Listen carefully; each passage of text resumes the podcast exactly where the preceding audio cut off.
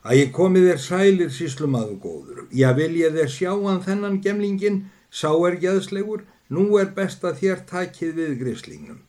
Ég þóttist heppin að ná honum í morgun. Mátti ég ekki bindan? Jú, einar minn, það var rétt að láta hann ekki sleppa. Já, það grunaði mig. Strákar, flytiði nú hann dreira en ekki megiði ríðunum. Það segi ég ykkur. Og að teimið hann hægt. Hvernig sínist yfir hesturinn líta út síslumadur? Sveiði, það er ekki verk á því. Þér megið til að láta flengja strákinn nokkrum höggum fleira fyrir bræðið. Ég skal hýðan fyrir yður ef þér viljið. Síslumadur yfirherði grímúlf og var þar engin fyrirstaða. Hann meðgekk strax og miklu meira en hann var spurður. Hvert var erindið þitt hingað östur spurði síslumadur. Ég kom að heimsækja Vigfús og hala vinn minn. Er Vigfús vinnur þinn? Æi, nei, það er orðið að vana fyrir mér að kalla hann svo. Hann er ekki þessum erður að heita vinnur. Hann er óþokka menni eins og ég og þó verri því að hvork er ég brefa þjófurni að mandrápari. Er hann það? Já, það veit ég með vissu að hann er brefa þjófur því að hann hefur brúkað mig til að brjóta upp með sér bref og skrifa önnur fölsk. Og frá hverjum voru þau bref? Já, þau voru milli Ólaf Sáluga Fósturssona, pressins hérna og Kristínar og Hóli, dóttur Jóns Hrefstjóra. Brenduði þau bref? Nei, ég á þau enn, þau eru núna fram á skipi. Annar kaupmaðurinn danski fann þau eftir mig í gær og sagðist ekki sleppa þeim fyrir í dag að ég vitjaði þeirra. En mér leist ekki á það og þess vegna tók ég hestin pressins því ég vildi flýta mér í burtu. Nú vil ég láta sækja brefin. En hvað hefur þú fyrir þér í því að Vigfúsi að mandrápæri, veistu nokkuð til þess? Já það er að sönn ekki nema grunur en hann er á miklum líkum byggður. Og hvernig er þeim líkum varið eður hver var sá maður sem hann var grunaður um að hafa drefið? Ólafur fóstursonu sér að bjarna hérna.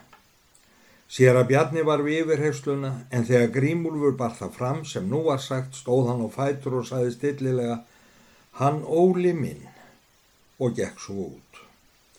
Með hverju matvikum er það skeið sem þú veist um hvarf Ólafsheitins? Grímúlfur sagði þá alla söguna um brefaskiptin og allt samtal þeirra þar við hvernig orð vikfúsar þegar hann sagði Nei, hann má sveimir ekki koma austur, ég þarf að hugsa betur um það. Grímúlfur sagði líka frá því hvað hann síndist vikfús yllilegur skammu setna en hann hafi talað þessi orð. Hvað frekar er hér um að tala? Ég vil byggjuður herra síslumadur að yfirherra Vigfús. Er mér fullur grunur að þar verði lítil fyrirstað því að maðurinn er bæði heimskur og huglaus og því hefur mér gengið svo vel að hræða og narra út frá húnum peninga. Hefur þú gjört það? Já, sveika löst og það var nú erindi mitt austur í þetta sinn. En vilja hann ekki verða leiðið tamur skal ég hotta á hann. Mér heyrist eins og þú gleðjir þig yfir því ef Vigfús verður uppvís. Þú talar um það með nokkurs konar kátlegu skopi. Ekki gleðja mig yfir því en mig gildir einu þó hann verði uppvís eins og ég. Því hann er eftir vill ekki minna sekur. Líka likur mér við að halda ég hefði, hafi alla mína ólökku af honum. Ef hann hefði aldrei orðið á vegi mínum er líkara til að ég veri betri maður en ég nú er. Það er líka eins og mér sé léttar að síðan ég meðgekk. Kanski hann verði eins. Einar rásmaður og annar til voru sendir eftir brefunum og áttu þeir að taka Viffús með þegar þeir kæma aftur. Ekkert vissi einar um hjáttningu grímúls eða hvers konar bref hann átt að sækja. Viffús átti eftir meiningu hans að koma til að helga sér peningana sem grímúlfur hafði. Þegar þeir kom út í skipið var Ólafur konu på þiljur og þekkti hann einar strax. Þeir heilsuðu Ólafi og tók hann því gladlega. Einar horðum stund á hann og saði við sjálfa sig, nei, það er ekki því fer nú miður. Ólafur bauð þeim ofan og veitti vel. Einar saði köpmunum frá veiði sinu morgunin og baðum brefin. Já, þetta grunnaði mig lengi. Ég ætlaði nú að koma með ykkur í land og afhenda sjálfur brefin, saði Arlíus. Þeir komað hala og kallaði Einar Vikfús út. Síslumadur vil finna þig heim á hofifúsi. Þú ert lengi nógu höfðingja kær, nú er best að þú komir. Síslumadur, verðt ekki að ljúað mér einar. Það er nú ekki oft að þú heldur að maður ljúa þér. Það skildi þú vera að þú allar ekki að taka á móti peningum. Allir Grímúlfur hafi ekki skoðað í kistuna þeina um leið og hann fór. Grímúlfur, kistu, peningar, sagði Vigfús og hljóp hinn í skemmuna en kom innan stundar aftur og var þá líkastur óðum manni. Hvar er Grímúlfur? Hann hefur þjófið öllum skildingunum mínum stelurins á arna. Hvar er and... Segðu það einar, ég vil berja hann. Já, hann er heim á hofi. Þar getur þau fundið hann og barið fyrir mér. Vigfús hljóp á stað og varð langt á undan þeim. Þegar hann kom á hofi óðan strax í stofu því þar var mannamála heyra. Svo var sem hann sæi engan nema grímúlf og að honum snýrist hann og þreyfi í báðar axlir og hristi þanga til sitt stykki ripnaði góru megin. Fáðu mér strax peningana þjófur, ég dref strax peningana. Grímúlfur hljóðað upp, rífð ekki svona á mér fötinn maður. Peningana segi ég, heyriruð það. Vertu nú hægur Vigfús, ég þarf að tala við þig, saði síslum maður með voldugri rott og stóðu upp. Vigfús tók nú fyrst eftir honum og rénaði þá nokkuð berserskangurinn. Peningana, ég vil fá peningana, hann er þjóður síslum maður. Sestu niður Vigfús og vertu stiltur. Gættu þess að þú ert fyrir rétti. Þekkir þú þennan grímúlva sunnan? Nei, jú, ég þekkti. Hvenar þekktir þú hann fyrst? Segðu mér það. Í fyrir sunnan. Og hvernig þekktur þann? Nú með augunum. Veit ég það. En hvað sísluðu þið saman fyrst sem þú mannst eftir? Nú ekki neitt. Skrifaði hann ekki fyrir þig bref? Hefur þau sagt honum allt bölf? Hann hefur ekki sagt mér. Það er ekkert ílt í því. Þó hann hafi skrifað brefin. En til hverra voru þau bref? Til, ól, til, til engin. Skrifaðan bref fyrir þig sem engin átt að taka við. Hvaða vittleisa er þetta? Til hvers áttu brefin að fara sem hann skrifaði? Svaraði mér upp á það. Til mín sjálfur. Ó já já, satt er það vittlaus ertu. En það er vest að þú ert ílgjart líka. Hvað gjörður það að brefunum sem þú stalst frá Ólaf og Kristínu? Ekki brendi ég þeim. Ha, hann grímúlfur, ha, hann grímúlfur. Er það satt grímúlfur, brendir þú brefin? Nei, þau eru óbrend enn og eru hér. Grímúlfur ansk, hrópaði Viffús hástöfum og leitt yllilega til besta vinarinn sem hann átti. Það er nóg með þessi bref, en segðu mér nú hvernig gekk það til þegar Ólafur heiting hvarf. Þú ert svo eini sem veist glögglega um það. Ég, ég fer heim. Nei, aldeilis. Ekki aldeilis strax. Ég þarf að tala meira við þig áður. Skarst þú á stjórafærið? Réttu, réttið að mér fangajátnið þarna? Já, já, ég skerði, nei, jú. Hér er komin afskrift af hjáttningu frá manni uttalans sem segir að þú hafi keift sig til að myrða Ólaf. Hvað er sagt í því? Gís, brennivín, 50, helvíti, sagði Viffús og svo steinleiði yfir hann. Mér sínist að þessi yfirheysla sé nóg að svo stöldu. Það er nokkur megin víst að maðurinn er sekur, sagði síslumadur. Sér að Bjarni var inni þegar Vigfús meðgekk bana tilræðið við Ólaf og stundi þungan.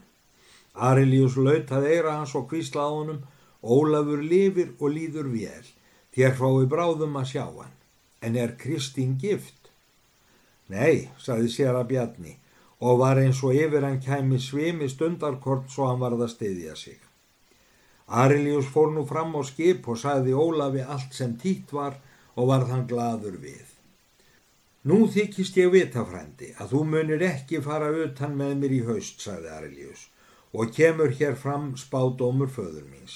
Vil ég því að þú giftir þig áður en ég fer, svo ég geti verið í brúköpiðínu og teki hluteld í gleðiðinni og er best að sína sér að bjarna bróður mínum ekki bref föður okkar fyrir en þá til að auka gleði hans sem mest. Þegar síslumadur var að spyrja Vigfúsum hvarfið Ólafs hafði einar staðið á hleri og heyrt svo mikið að hann ímyndaði sér að Vigfús efalust hefði drepið Ólaf og var bæði mjög hryggur og ákaflega reyður. Hann sárlangaði inn í stofuna til að berja Vigfús en það þorðan ekki fyrir síslumanni. Hann snýri því allir í reyði sinna Þorbjörg og móður hans. Hann hljóp heima hala og var í íllum ham. Þorbjörg stóð úti þegar hann kom.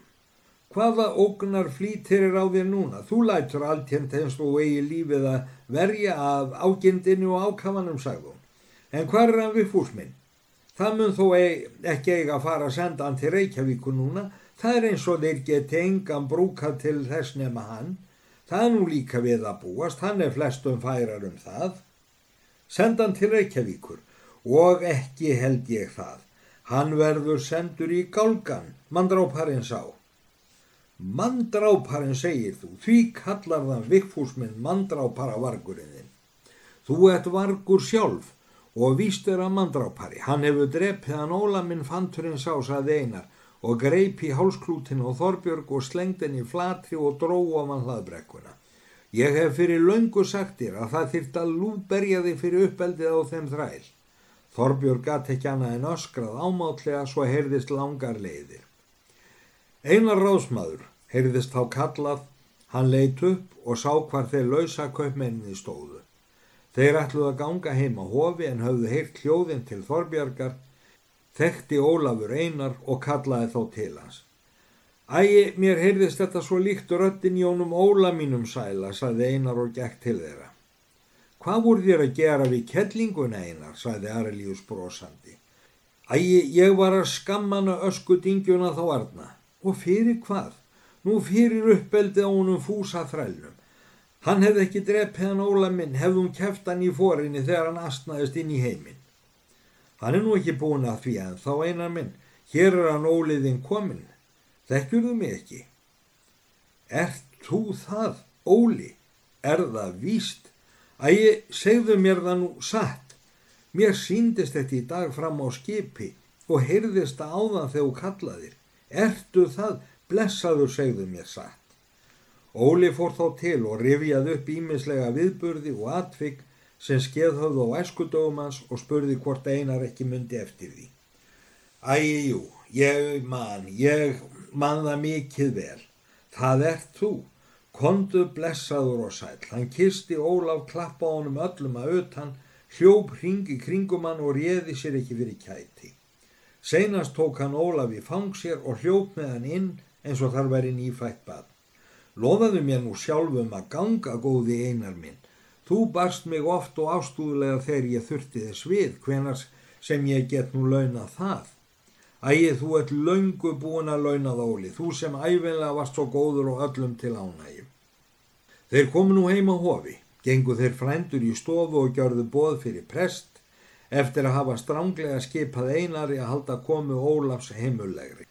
Þegar sér að Bjarni kom, gekk Ólafur á móti honum og sagði sælvertun og elskulegi fóstri minn góður.